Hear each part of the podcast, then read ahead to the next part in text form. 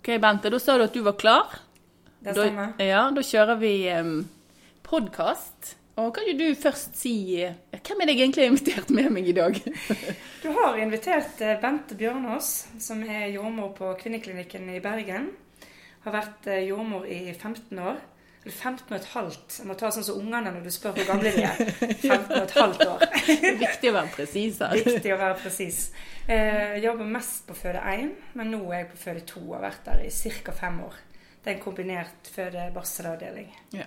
Sånn at eh, da er det egentlig ganske riktig av meg å si at eh, du har ganske stor kjennskap til dagens tema, nemlig seteleie. Det stemmer. Ja. Har vært med på en del sete i min karriere. Ja, sykt god på sete. Skikkelig god på sete. For det som jeg hadde litt lyst til at vi skulle diskutere i dag, eh, Bente, det var egentlig eh, jordmors funksjon i en fødsel der barnet ligger i seteleie. Og da tenker jeg egentlig først og fremst at vi skal snakke om eh, i de situasjonene der det er et kjent seteleie. For vi har jo begge to vært med på fødsler der, eller at kvinner kommer inn der det var litt sånn Oi, dette var vel feil. Ja. At det er et uoppdaget sete. Og det blir liksom litt sånn ekstra bonusmateriale. Sånn at eh, jeg tenker vi snakker først og fremst om den eh, seteleie. Og, og hvis jeg skal på en måte hvis jeg skal sette litt sånn ord på en følelse som jeg hadde når jeg var jordmorstudent, og kanskje du kan kjenne deg igjen i, og det er litt sånn at når du satt der og fikk eh, rapport, og at det var seteleie på stue slik og sånn, så var det litt sånn Oi, Slapp helgoland. meg ikke inn der. Nei. Der jeg Det kan ikke jeg. Nei. Og det var egentlig litt det jeg hadde lyst til at vi skulle snakke om. Den der, få vekk denne følelsen. For eh, hva er, hvis vi skal tenke eh, at du, du får inn en kvinne som er i aktiv fødsel, Ja. og, det er, og du skal fram til utsletter, hva er det på en måte som er den største Hva er problemet, tenker jeg, i forhold til et hodeleie? ja. Så jeg kommer inn til ei dame der kjent seteleie. Eh, først og fremst vil jeg jo si at det er ikke så stor forskjell. Det er de viktige jordmorfunksjonene som det er ellers, ikke sant. Eh, selvfølgelig trygge dama, gi god informasjon, eh, observere fosterlyden, ikke minst. Leopold. Ligge ryggen til høyre, til venstre. Eh, de basale tingene, egentlig. Næring, aktivitet. Det er kanskje ikke så mm, hokus pokus på en måte, selv om jo, selvfølgelig, det er jo retningslinjer å følge, og det er viktig å følge dem. Men eh, jordmorfunksjon er, det er ikke så stor forskjell som Det er ikke så skummelt å gå inn. Nei, og, og jeg syns jo at det er litt fint at du sier det. For det, for dette er jo nettopp det at du må liksom tenke på akkurat de samme tingene. Du? Ja. du skal ha hvordan er riene, Absolutt. hvordan er ernæring, hvordan har kvinnen det i forhold til eliminasjon, hvordan er hun i på en måte det å trygge henne på, på en måte at dette kan hun klare. Absolutt. Og, og ikke minst partner, som kanskje da er litt ekstra eh, observant. For, det, Ja. for du sa en ting at, at vi eh, har jo en annen form for fosterovervåkning, gjerne. Altså En annen form blir jo litt sløvt å si, for vi lytter jo eh, regelmessig har god kontroll når det er et hodeleie òg. Men med seteleie så er det litt annerledes. Kan ikke du si litt Jo. om det? Det stemmer. Altså I latensfasen så er det å lytte på vanlig måte. Du kan lytte med jordmorstetoskopet. Mm. Eller med Doppler der du Ja. Jordmorstetoskopet, må jeg jo si, Katrine. For all del, bruk jordmorstetoskopet. Ja, men Det er godt du ja. gjør Det, det, det liker vi. Ja, sant. Når det er i åpningsfasen før fostervannet har gått, Mhm. så er det intermitterende CTG. Eh, I, altså, ja, eh, tidlig i fasen, unnskyld. Eh, Når man er i aktiv fase, så er det kontinuerlig overvåkning med CTG før vannet har gått, og stand-overvåkning etter at vannet har gått. Men du, nå avbryter jeg deg, for når du sier stand, er det liksom sånn Nå tenker jeg at eh, de aller fleste som lytter til oss, eh, vet hva det er. Men kan ikke du på en Ja. måte bare sånn litt sånn gi deg intravenøst her til oss? Ja, sant. Eh, Det er ST-analyse. Det er jo en eh, elektrode som man fester på setet, eventuelt på foten til barnet. At man får inn EKG. EKG til barnet. da. Så en intern registrering Intern registrering. istedenfor den utvendige. sant? Stemmer. Ja. Fordi at eh, Hvorfor kan vi ikke Nå spiller jeg litt dum her, men hvorfor kan vi ikke ha en intern overvåkning før vannet er gått? Eh, Ja, fordi at da kommer man rett på hinna, ikke sant. Så Ja, man må sant. ha hull på hinna for å, eh, for å få en god teknisk registrering. Og den må jo på barnet, for det er jo barnets EKG. Men det du, det som, hvis jeg forstår det rett, så tar vi ikke Vi tar ikke vannet bare for på en måte å ha en intern overvåkning. Ja, Hvis alt er normalt. Når jeg var ung, det er jo lenge siden nå Det snakket vi jo litt om før, men da, eh, da var det veldig restriktivt. Eh, nå tar jeg jo gjennom mest utgangspunkt i, på kvinneklinikken. Da. mm. Eh, det er jo kanskje litt ulike retningslinjer. Men Eh, da var det restriktivt når jeg begynte der for 15 år siden. Eh, det er fortsatt restriktivt, og det skal være alltid lege som, som, eh, som tar vannet. I utgangspunktet tredjevakten skal i hvert fall konfereres, og er ofte den som tar det. Eh, men det skal tas kontrollert. Eh, og grunnen til det er jo at det er større risiko for at navlestrengen kan kan falle fram da, når det er sete. Eh, og det skal, når jeg sier kontrollert, så kan det være at man ikke bruker vanlig hook, som vi sier. altså sånn Amnion-hook, ja. til å ta vannet med. At man kanskje bruker en elektrode eller en, en nål, altså en pudendalnål. Ja, sånn at du rett og slett bare får en, et lite hull så det Lite pipler ut, istedenfor den der vosjingen. Ja, stemmer. Man får et kontrollert eh, hull, da. Ja. Mm. Ja, for den navlesnoren den må vi på en måte passe ekstra nøye på, fordi at eh, Stemmer. når det er sete som en ledende del. Den Ja, så da har vi en mye mer eh, overvåkning da, enn en med elektroder og tråder og med de begrensningene som det gir. Det er den ene tingen. Men, Mm. men hvis vi ser på liksom nå, så sa du at sete Vi gjør jo akkurat de samme tingene for å fremme en normal progresjon eh, av fødsel. Er det noe som er litt sånn typisk for en setefødsel versus hodefødsel, hvis du skal se liksom sånn på tid? Ja, den tar jo vanligvis lengre tid. Og hovedgrunnen til det, sånn som jeg har eh, forstått det, er at Blondiner på landsbygda, Det er jo at det ledende del er mjukere. ikke sant? Det er et sete som er det ledende del. Ja. Så du får kanskje ikke samme presset på mormunnen. Nei, som og, et hode. Ja, og hvis det da kanskje er sete-fot, f.eks., en liten fot som kommer skliende nedover i systemet, kanskje ikke også samme på en måte presset på, på mormunnen. da. Nei. Så man må forvente, i hvert fall hos førstegangsfødende eh, spesielt, at det vil ta lengre tid. Og det er jo viktig i forhold til å planlegge og tiltak, og, og at dette her er en fødsel som tar kanskje litt lengre tid. Og at man er da eh, litt sånn føre var i forhold til å med ernæring og, Absolutt. og kanskje ikke ja, kanskje ikke iverksette tiltak som på en måte hemmer riproduksjon for tidlig. Nei, det er et godt poeng. Fordi at epidural, hvis vi kan snakke litt om Ja. det, det er jo på en måte et fenomen innenfor eh, seteleie og fødselshjelp. Stemmer. Og det er jo en sterk anbefaling at, man, eh, at man har epidural eh, på plass. Men det er jo ingen problem å legge inn epiduralkateteret uten å aktivere det, f.eks. At man har det på plass hvis det er tidlig fødsel. eh, Eller man kan ha det på en lav dose for å ikke stoppe opp riene. Det er jo en mulighet. Men tanken bak den epiduralen er jo at det er, det er større risiko for at det kan bli et operativt inngrep, som sexio, altså keisersnitt. Eh, eller at man må bruke tang på sistkommende hode, som det heter så fint.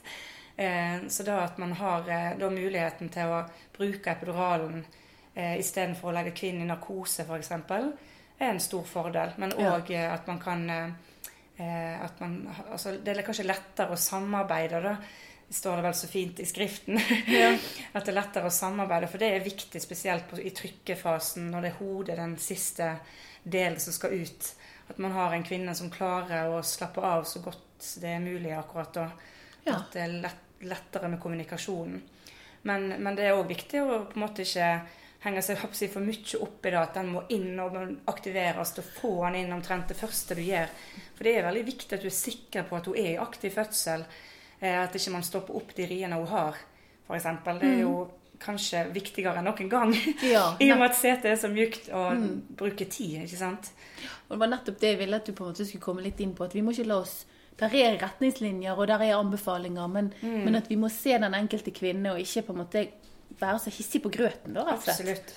Absolutt. Beklager. Det er en katt i bakgrunnen som litt ellevill her. Det gjør ingenting. begynn på salamien her på kjøkkenet. Men, men, men altså Sånn at epidural er en anbefaling, og de aller, aller fleste kvinner som, som føder eh, i seteleie i dag, de har en epidural når, eh, når eh, de føder. Men vi har jo alle sammen vært med på at eh, vi har et uoppdaget sete. Da kommer gjerne inn en fleregangsfødende med uoppdaget sete og utsletter mormunn. Og da må vi jo òg være smarte og, og på en måte kanskje tenke alternativt, men med en god pundal, eller ha anestesien til stede. Men, men ikke la man bli 'Å, hun har ikke fått epidural, så det går ikke'. Ja, nei, nei, nei. Det er jo noe med litt sunn fornuft, ja. Absolutt. Det er lov fremdeles. Heldigvis. Og det, det er godt. Men så, også det er én ting til som jeg tenker at er litt eh, ja, er veldig viktig i forbindelse med dette seteleiet. For du har jo på en måte snakket om at den ledende delen da, som er setet, den er jo mye Ja. mykere. Og den sklir jo forbi cervixåpning eller mormunnsåpning på en annen måte enn et hodeleie. Kan ikke du si litt om hva som er utrolig viktig at vi som jordmødre og leger er oppmerksom på i den forbindelse? Ja, det er nok det du tenker på, det at vi er helt sikre på at det er 10 cm åpning. At det er utsletta, som vi sier. Eh, og det er litt det som du snakket om nå, at eh, eh, det kan være kanter som er Og det kan være vanskelig å kjenne når det er sete. Ja. Og det er sete, og det er føtter, og altså, det kan være skrotum, f.eks. Ja. eh, så det er faktisk ikke alltid så enkelt å kjenne. Og med, med mine 15 år så må jeg fortsatt eh, bruke tid altså, og kjenne nøye etter at det ikke er kanter som er opp forbi setet. Eh, og grunnen til det er at hvis altså, da man tenker at det er utsletta, og det er ikke det, det er faktisk ni, så kan det være ja, hva skal jeg si, uheldig når hodet skal ut. da. Ja, for det kan jo bli en fødselshindring i den forstand at setet klarer å passere, for Ja. dette er mye mykere, men hodet klarer ikke, så da vil Nei. du faktisk få et hode som henger, Henger på en cervix. Absolutt. Ja. Ja. Og det er jo òg grunnen til at eh, Nå skal vi kanskje Ja komme litt inn på det med utstyr, som, som er en viktig del av jordmors oppgave ved setet. Å ha utstyret klart. Mhm. eh, ha det på stuen. Det er jo en av våre viktige oppgaver ved setet. Og da er det jo Ikke om jeg skal bare komme inn på Jo, det med en gang. Ja, eh, er jo det med cervix-saks. Er jeg bare kom inn på det nå. Jeg kom på det nå.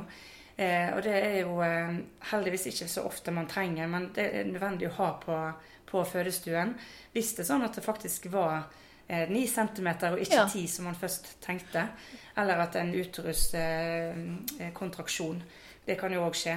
At man faktisk må opp. Det er jo legen som gjør, men eh, at man må opp og klippe opp cervix, rett og slett. Ja, for å på en måte få eh, hodet til å komme ned. Ja, For det er jo hodet som er problemet, siden det er den største delen her. det stemmer. Ja.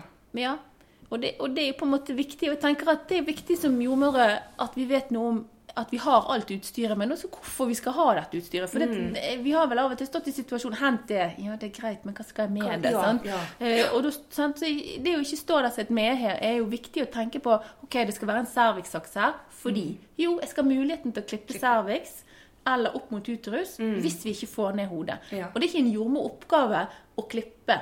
Det er en legeoppgave, men vi må sørge for at alt utstyret er der. Absolutt. Det er vår jobb. Ja. Ja. En annet utstyr som du tenker at som vi ikke har eh, veldig sånn lett tilgjengelig i den normale fødsel, som er viktig i setet. Eh, Pipers tang skal alltid være tilgjengelig. Mhm. eh, og det er hvis man trenger å forløse sistkommende hode med tang. Ja.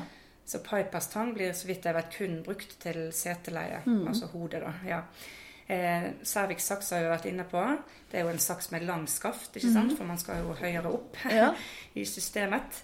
Eh, nitro, nit, nitroglycerinspray skal være lett tilgjengelig på fødestua. Og det er fordi at eh, eh, altså det, det er én spray i munnslimhinnen, og kvinnen skal ikke inhalere. Det er viktig, da. Eh, jeg har vært med på det kanskje to-tre ganger i min karriere at det er blitt gitt. Så jeg, eh, det blir ikke gitt så ofte, men det skal være muligheten for å gi for å få utrust og relaksere. ja. eh, Hvorfor det, vil vi det?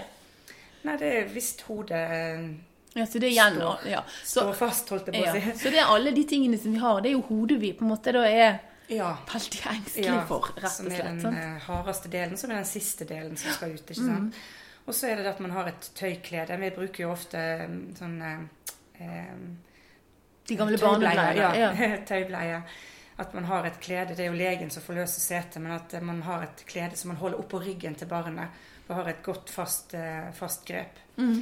Eh, og så episiotomi, saks Ja. eh, og lidokain, bedøvelse. Mhm. Eh, spesielt på førstegangsfødende så blir jo episiotomi lagt, vil jeg si, i aller fleste tilfeller.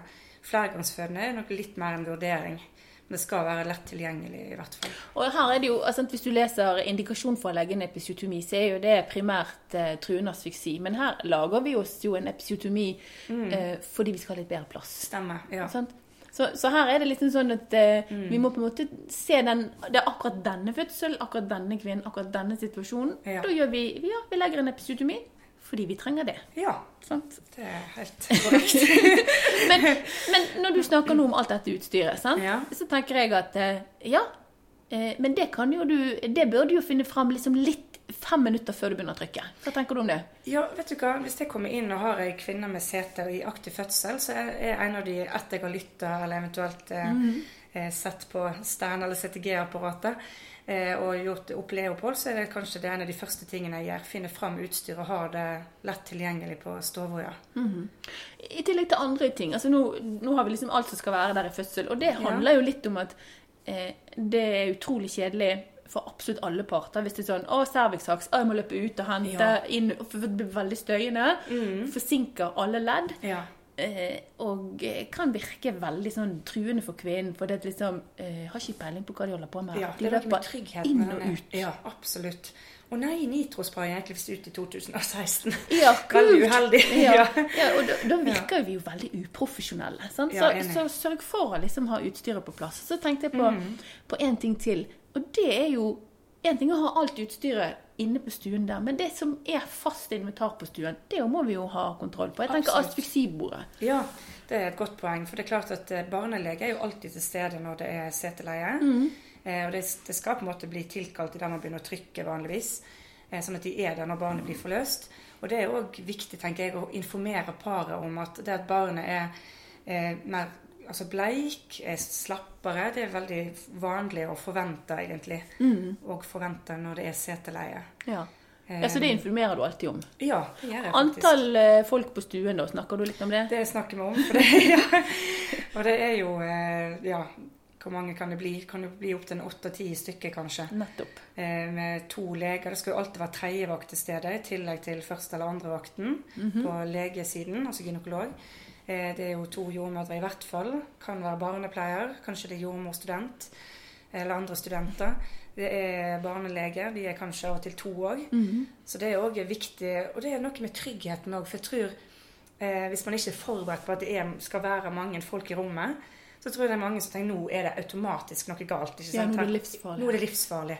Her strømmer det jo på, og de er grønne og de er hvite. Og Eh, så det å si på forhånd før de på en måte kommer til trykkefasen at dette er på en måte Sånn er det. Det Ja. er retningslinjene våre som er sånn, og det er, alle har sin jobb da, Ja. i rommet. Det tror jeg er veldig viktig. Men ja, det tenker jeg også er veldig viktig at, eh, og at man er informert om på forhånd, sånn at ikke det kan virke så truende. Ja, sant. Og vi har jo vært med på mange setefødsler, Bente, som jeg tenker er de like fine som en eh, hodefødsel. Ja da, Men, men at man eh, Det kan se litt mer voldsomt ut noen ganger når vi holder på med, med sete og disse rotasjonene. Ja, det er sant. Eh, har? Og, og som jordmødre så skal vi jo kunne forløse et, et sete. Sånn at mm. vi må øve. Ja. For plutselig så står du der. Ja, jeg har vært med, og jeg har ikke vært med og forløst setet. Det har jeg ikke, men jeg har vært med og holdt igjen. Der setet buker godt, for å Ja. si det sånn. Ja, på flergangsfødende der det plutselig går fort på slutten. Så, og jeg tenker at det er viktig at man vet eh, grepene og hva som er viktig. Ja, absolutt. Og tenke at man skal rotere og ikke dra. Og, Ja. og jeg har vært med, og, eh, og vi, vi på en måte har jo Vi har jo fødsler på eh, de fleste på en måte nivå i Norge. Og du kan få et uoppdaget sete på en fødestue. Ja, ja visst. Eh, eller på en fødeenhet der gynekologen ligger og sover hjemme. Ja, sant. Eh, og det har jeg vært med på. Sånn at eh, da var barnet født når eh, gynekologen kom endelig på avdelingen. Så selv om det er en legeoppgave, så må vi som jordmødre øve på, og det fins jo fantom i de ulike avdelingene. Ja. Og at det da er manøver. Stemmer. Mm.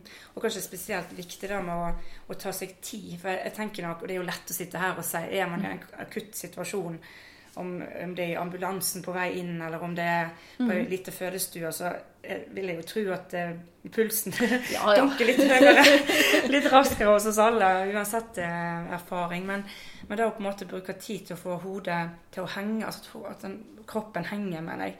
At hodet kommer ned på bekkenbunnen. Ja. At man ikke begynner den løvsettmanøver, den rotasjonsbevegelsen, for tidlig.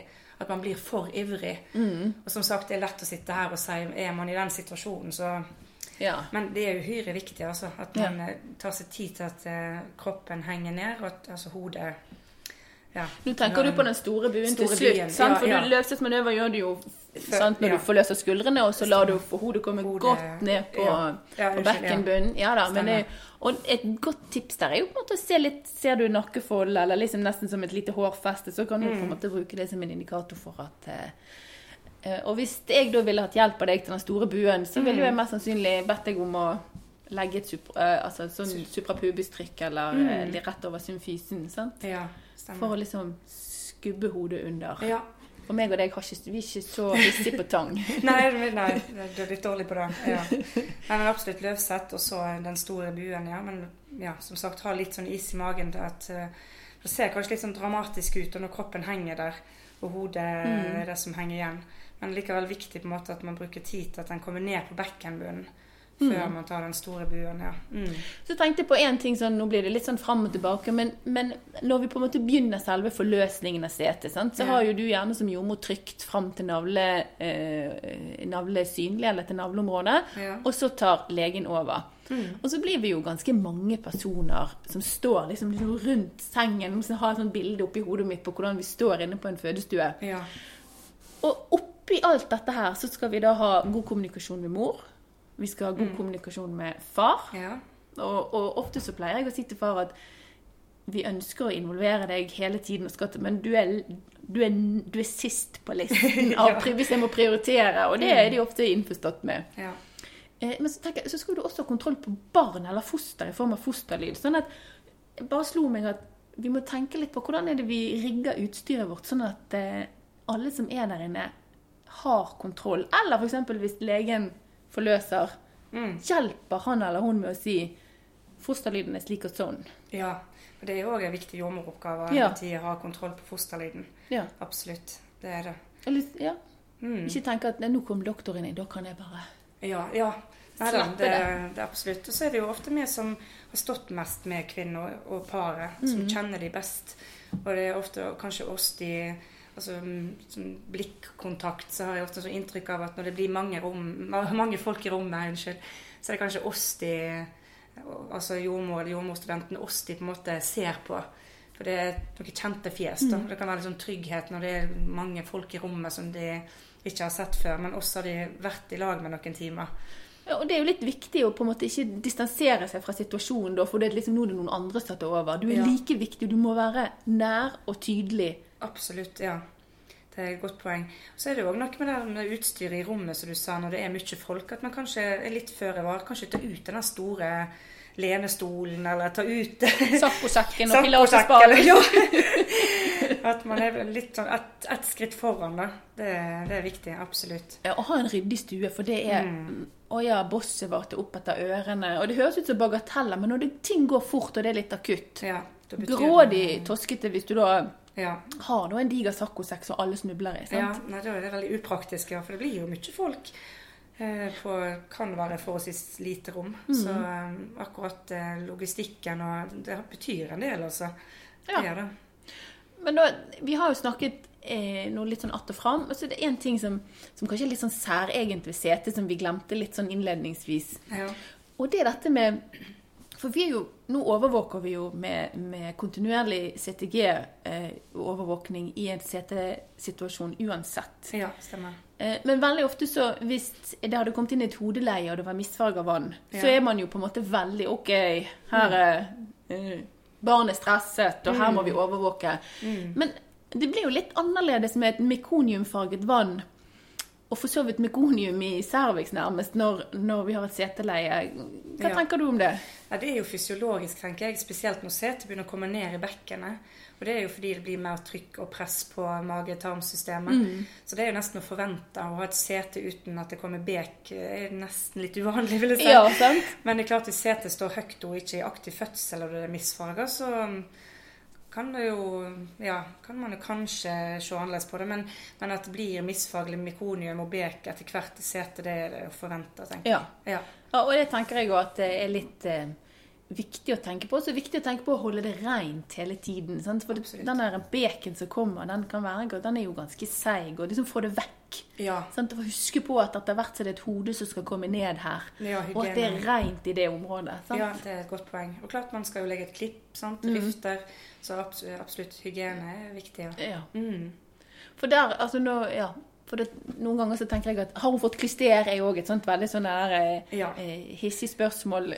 Og Mm. særlig kanskje under setet. Og, det handler jo vel så mye om hygiene, fordi at når vi skal forløse, så kan mors avføring komme. Og så kommer det et ansikt litt sånn Mm. Ja. vendt ned Vendt mot ned, ja. endetarmen. sant? er At vi må på en måte sørge for at det er hygienisk, og ikke påføre Det er jo en potensiell risiko for infeksjon hvis vi er litt um, uhygieniske. Det kommer kanskje litt inn igjen på det som vi starta med, det der med at, eh, at man gjør de tingene som man ellers gjør. sånn Tilbyr klyster og så Noen har jeg kanskje hørt det litt sånn redd for at ja, men kan jeg sette opp på toalettet, da? Tenk hvis vannet går? Tenk hvis navlesnoret kommer fram? Ja. Men at man på en måte Hun er på sykehuset, vi er der, og at man ikke hele tida sånn verstefallstenking. Da. Jo da, man skal på en måte ta visse forhåndsregler og følge retningslinjer, men at man likevel tenker at det er ei frisk dame, stort sett, i hvert fall i, i fødsel, som vi skal fremme den normale fødsel så langt det lar seg gjøre. da. Altså Selv om det er ja, sete som likevel tenker litt på de eh, de faktorene som vi ellers eh, ja, Ja. er opptatt av i, i normalfødsel. Mm. Ja. Ja, Mm. jeg tror vi har vært innom eh, vært innom det meste, Ja, jeg tror det. Hopper litt opp og fram. Jo, Men det er jo litt sånn personligheten. Men hvis vi skal oppsummere, da, så tenker jeg at, at det på en måte du må ta med deg, det er at det er ikke noe hokus pokus med et sete versus et hode. Det er det samme du skal gjøre. Du skal på en måte være jordmor på samme måte. Ja. Eh, gjøre dine observasjoner, iverksette tiltak for å fremme fødsel. Ja, Være til stede. Sant? Men så må du være obs på at det, det kan ta litt lengre tid. Ja, det er et godt poeng. Og så at du må være uhyre eh, klar over at ja, cervix er utslettet, og Ja. du begynner ikke å trykke sånn av deg selv. Nei, det skal, det skal dobbeltsjekkes. Ja, og det står faktisk i våre retningslinjer at tredjevakten skal òg kontrollere. Ikke kun første eller andre, men tredjevakten skal òg kontrollere at, for, at det faktisk er full åpning. Da. Ja, Det sier noe litt om hvor alvorlig dette kan bli hvis ikke. Og så tenker jeg at det er viktig lærdom å ta med seg, fordi at man, man er jo veldig i, I en studentsituasjon er man jo veldig sårbar i forhold til eh, tok jeg feil, ikke feil, og har Ja. lyst til å ha rett. Men, men jeg tenker at CT er et veldig godt eksempel på at, eh, at vi jobber i et team, og at sammen er vi gode. Ja, absolutt. vi Er avhengig av hverandre, ja. Når det er full åpning, så er det jo sånn at jordmor kan, skal, skal jo trykke med kvinnen til, til navlestedet. Står det, jo. det er ikke alltid det blir praktisert av ulike grunner. da. Nei, nei, men det Men, ja, men i utgangspunktet så tenker vi jo da at det, det er sånn det skal være. Men at da legene er jo vanligvis i rommet. eh, sånn så du sier man begynner ikke å trykke på et sete. Og når det er født til navlestedet, så ja. Nå skulle jeg gjerne hatt litt hjelp sa du. det sier seg kanskje sjøl, men likevel ja, viktig å få fram at, eh, at eh, de ulike personene som skal være det, er til stede og er, har fått beskjed i god tid. For ting kan jo plutselig gå fort. Og det hender jo òg at man må ha total uttrekning pga. lyden, for, fosterlyden f.eks. Ja. Det er ikke det mest vanlige, men det kan jo skje, eh, det òg. Og da kan jo ting gå veldig fort. Så det at man er et steg foran hele veien og har utstyret på plass og har informert de som skal være til stede i god tid, det er, viktig. Ja. Ja. Være systematisk og strukturert og ryddig. ja. Det er nøkkel til suksess. Det er nøkkelen. Ja. I mange tilfeller her i livet. ja, det er jo det. Ja, men vent, da tror jeg at vi sier at eh, det var mye nyttig og viktig kunnskap du kom med her. Ja, Takk skal det er ha. bra. Supporte. Pas réglé.